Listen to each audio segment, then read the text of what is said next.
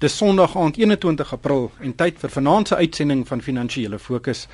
My naam is Ryk van die Kerk en saam met my in die ateljee vanaand is Kobus Nel, mynbouontleder by Stanlip. Goeienaand Kobus. Goeienaand Ryk. En Theo Forster, beleggingskenner by Galileo Capital. Goeienaand Theo. Goeienaand Ryk. Wel dit was 'n baie interessante nuusweek in die sakewêreld en ons gaan vanaand bietjie gesels oor die goudprys wat hierdie week soos 'n klip geval het.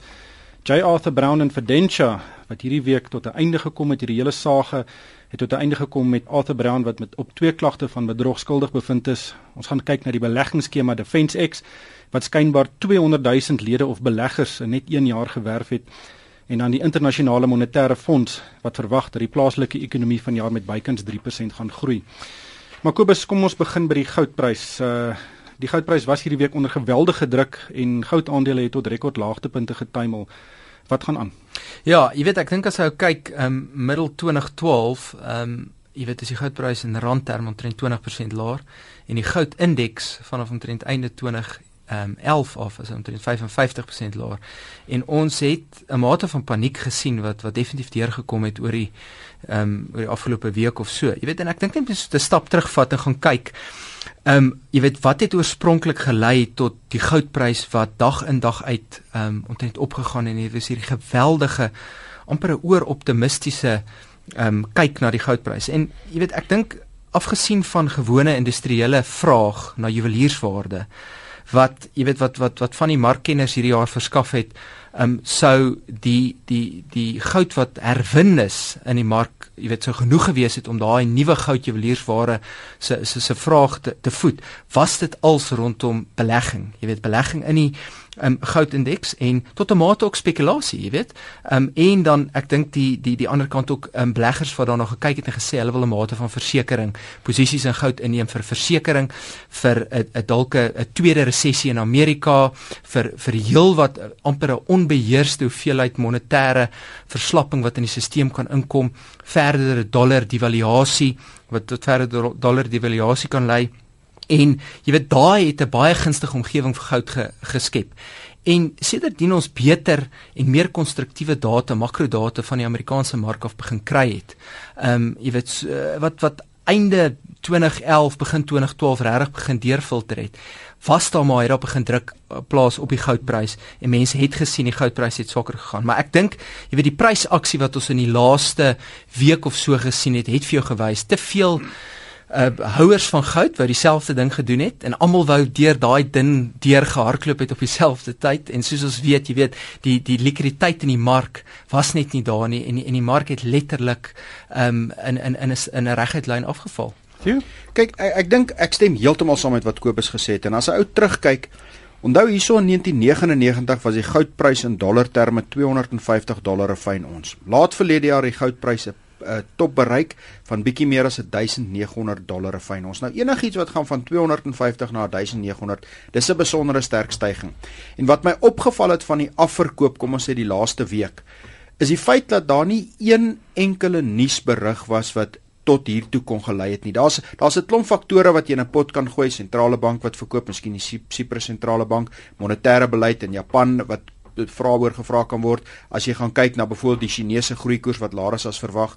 Nie een van hierdie elemente is genoeg om hierdie goudprys afverkoop te veroorsaak nie. Nou dit beteken dat die mark het amper 'n rede gesoek om af te verkoop. Dit wil sê daar is daar was amper hierdie hierdie posisie dat die goudprys het baie hoog gegaan en daar's 'n rede. Onthou net goud as 'n belegging primêr. As jy goud besit, dis nie 'n produktiewe bate nie. Dit betaal nie 'n dividend nie, dit betaal nie rente-inkomste nie. Jy verdien nie huurinkomste daai uit nie. Inteendeel, daar's 'n stoorkoste daaraan. So goud koop jy op die veronderstelling dat iemand gaan 'n rede vind om meer daarvoor te betaal as wat jy daarvoor betaal het. In die oomblik wat daai redes bevraagteken word, hoekom sal iemand in die toekoms meer wil betaal as wat jy daarvoor betaal? Die oomblik wat jy daai redes begin bevraagteken, dan gaan jy hierdie tipe van beweging kry. My uitgangspunt is ek dink goud het 'n besondere sterk loopie gehad. Ek dink die omstandighede rondom goud het verander en ek dink dis natuurlik dat 'n mark wat so sterk geloop het, wanneer die omstandighede verander, gaan nie hierdie tipe van wisselvalligheid in die goudprys kry. Hmm. Ons het ook die week gesien dat twee baie baie ou geskiedkundige maatskappye se noterings beëindig is, dis JCI en Simmer and Jack. Kobus, dis amper 'n einde van 'n era. Ja, nee, definitief. Jy weet, ek dink as mens kyk na om te begin by ehm um, JCA, JCI was basies deur um, Bani Benato gestig of um, in in 1889 en en jy weet hy was baie instrumenteel met die ontwikkeling van behuising en infrastruktuur saam met die goud en platinum myne um, in die Johannesburg en in Witwater se randkant jy weet. So dit vat 'n ou 'n hele klomp jare terug. En, en jy weet in op 'n tyd was hierdie 'n maatskappy wat 25% belang in die beurs ook gehad het. Dit het 'n beheerende aandeel in in in Rustenburg Platinum um, gehad as ook ander belange in SA Brouwerye Toyota en verskeie ander. Jy weet en en heidaglik um, is die maatskappy 'n skade, mens kan nie eers sê is 'n skadu van wat dit was nie. Jy weet dit het 'n 49% belang in die Boschendal Wynland goed en dan 50 miljoen Village Reef aandele wat baie mense na sal kyk en jy weet sê in die huidige omgewing, jy weet wat is dit regtig werd, jy weet. Jy weet so ek dink dit is 'n dit is 'n effek en jy weet en dit skakel dalk in in die groter strukturele uh, veranderinge wat ons gesien het in die Suid-Afrikaanse goud sektor en en en bedryf. Jy weet ons was op 'n tyd Suid-Afrika was op 'n tyd die goud, die die die grootste goudprodusent in die wêreld en ons het dit heidaglik geval na vlakke rondom 10% um, in terme van wêreldproduksie jy weet ek dink met dit alles het het, het gekom jy weet dat die die omgewing het verander en ek dink baie van hierdie maatskappye en bestuur wou nog steeds vashou aan die ou verlede jy weet jou bates het swakker geraak dieper geraak die die, die moeiliker geraak om te myn. Jy weet 'n ou kan dit deurtrek na baie van ons ander Suid-Afrikaanse goudmyne ook. Wou hulle net nie los laat los aan hierdie droom om hierdie te, jy weet om amper terug te gaan na vlakke wat waar, waar ons was nie. Jy weet en dit was hierdie aanhoudende geveg om om hierdie strukturele tendens te probeer um, stabiliseer. Jy weet en ek dink met dit het ook 'n baie groot kosteprobleem in die Suid-Afrikaanse mynboubedryf gekom. En teen die huidige mynbou jy weet um, goudpryse is daar baie van hulle wat onder druk gaan wees jy weet. En daar gaan ook gekyk na moet word na die portefeuilles. Hulle gaan die kwaliteit van portefeuilles weer moet optrek. Theo, dit was twee lekker aandele vir goudspekulante. Ja, dit was dit was daar was altyd hoë hoë wisselvalligheid of volatiliteit in die aandele en jy het nie baie groot bewegings in sentiment gekry dan was hierdie aandele wat mense sou koop, maar ek dink die punt wat Kobus maak is 'n goudmyn per definisie en so ook enige myn is 'n kwynende bate en jy moet 'n berekening maak oor wat is die waarde van die erts onder die grond werd wat dit jou gaan kos om dit bo gronds te vat en dan eh, verdiskonteer jy daai waarde en wanneer hmm. daai erts al minder word, wanneer die belange al minder word, wanneer dit al duurder word om te myn, wel dan is jou 'n bate naby sy einde. En ek dink dis maar net die vertrekpunt wat 'n mens moet onthou. Maar dit is tog jammer. Daar was 'n tyd wat daar 'n stuk of 20, 30 verskeie goudmyn maatskappye en goudmyn beleggingsgroepe genoteer was. En dit was 'n bloeiperiode vir vir die goudmynbedryf en daai periode is verby. Ons is besig om stadig aan af te sluit. Um, ons sien dat daar al minder besighede is wat winsgewend in die bedryf kan wees en waar die goudprys nou is as ons hierdie tipe dalings kry, dan gaan daar nog 'n ronde her, herstrukturering moet plaasvind. Hmm. Sien, ander groot nuus van die week was J Arthur Brown en Fidentia. J Arthur Brown is skuldig bevind op twee klagte van 9. Ehm, um, maar dit bring 'n einde aan 'n baie groot bedrogsaak wat 6 jaar gelede begin het. Daar was aanvanklik 200 klagte En uh hierdie week is hy skuldig bevind aan aan twee klagte nadat hy dit beken het. Ehm um, ja. wat was jou indrukke? Wel, ek dink dit is eerstens is die twee belangrikste klagte waarna hy skuldig bevind is. Ehm um, die ander klagte was dink ek belangrik, maar ek dink op die einde van die dag um, is hy skuldig bevind. Ek dink die die weer eens net die die die probleem met hierdie klas van goed is daar is duisende mense, beleggers um, wat aftreegeld wat pensioene verloor het en dis net altyd vir my die reg het nou wel sy gang gegaan en die en 'n mens hoor nou die die vonnis oplegging gaan nou in die volgende klompie daar plaasvind. Ehm um, die, die sleg ding is dat hierdie goed gebeur en dat mense geld verloor en dat daar's nie regtig herstelproses aan daai mense nie. Die individu moet aan die pen ry en ek dink dit is heeltemal so en ek dink ook graag dat mense graag wil sien dat vir waarvoor hy skuldig bevind word, hy oordentlik gevonnis word. Maar tans Ehm um, dis nie die tipe skemas wat jy graag wil sien gebeur nie en ek ek moet sê ek het half die indruk dat hierdie tipe van skemas, beleggingsskemas wat onrealistiese flamboyante beleggingsopbrengste beloof, dat ons 'n terugkeer sien van hulle en ons begin al meer van hulle begin sien. Nou ons het hierdie week gesien van Defence X. Uh dit is 'n skema wat skynbaar in in 1 jaar amper 200 000 lede gewerf het en dit kan indien dit bewys word dat dit 'n piramideskema is dan kan dit die grootste skema van sy soort um ooit wees in Suid-Afrika in terme van mense wat daaraan deelgeneem het. Maar eh, as ons kyk na Fidentia, weet dit was 'n bedrogsaak en het 6 jaar geneem om deur die regsproses te beweeg. En uh Arthur Brown het skuld beken op die twee aanklagte. Ehm um, daar's ook baie ander meer ingewikkelde skemas in Suid-Afrika wat nog nie eens in die hof is nie. Ehm um, dit neem te lank vir geregtelikheid om te geskied. Jy weet, ek dink as mens amper net teruggaan na ons het nou net van JCI gepraat en en en jy weet wat wat, wat daar basies gebeur het en jy weet luisteraars sal onthou dat Brett Kebble se betrokkeheid daarbey en dit het basies die forensiese deskundiges en prokureurs ehm um, 8 jaar gevat voordat hulle tot 'n slotsom kon gekom het rondom daai ehm um, ek wil amper sê grove um uh, wesenlike wanvoorstellings wat, wat wat ons gesien het daar. Jy weet en, en om net jou idee te gee, daar was omtrent 200 filiale oor 15 jurisdiksies, geografiese jurisdiksies gewees wat wat die web waaraan die die die maatskappy basies toegevou was. Jy weet, so ou kan dink baie keer is dit geweldig kompliseerd om regtig tot die tot 'n vlak te kom waar jy van 'n regsoogpunt af baie van hierdie um onderdeelmatighede kan vervolg. Wat ek wel ook wil sê, jy weet, ons ons sien nog steeds deesdae, jy weet, en selfs in genoteerde maatskappye van finansiële direkteure wat betrokke is by ongeruimthede.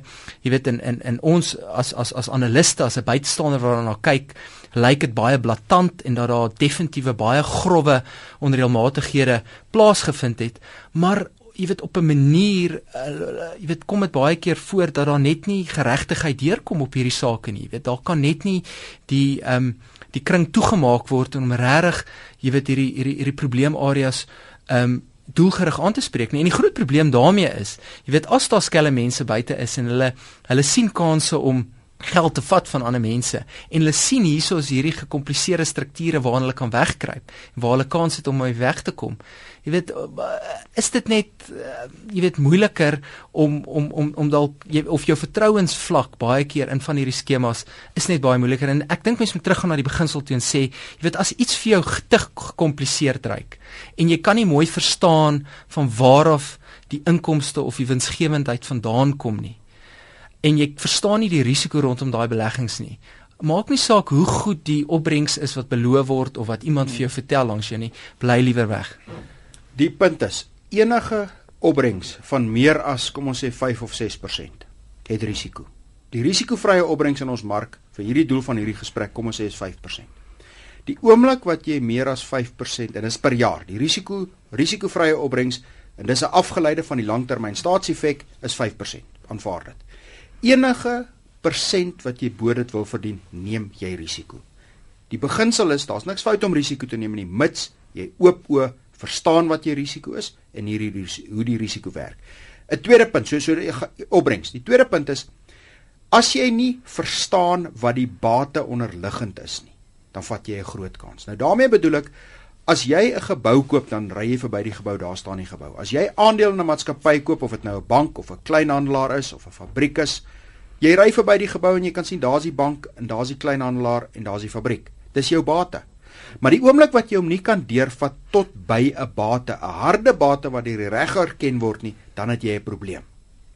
En dan die punt is wanneer jy gaan kyk na hierdie beleggings, gewoonlik element wat bykom by 'n belegging wat 'n foefie is, daar's een of ander verkoopsaksie daarbey betrokke wat vir jou gewoonlik kry die adviseur, die ou wat vir die vir jou die ding verkoop het, Hy kry die groot kommissie en jy sit met die probleem. So wanneer iets aggressief verkoop word vir al daai tipe van 'n 'n klapstruktuur is of a, jy moet nou jou geld insit anders verloor jy en die goue reël is daar bestaan nie iets soos um, hierdie keer gaan dit anders wees nie. Dit gaan nie hierdie keer anders wees nie. Hmm. Want as jy hierdie keer is anders dan weet jy jok. Net laastens die internasionale monetaire fonds het hierdie week 'n verslag gepubliseer oor die groei vooruitsigte van die wêreldekonomie.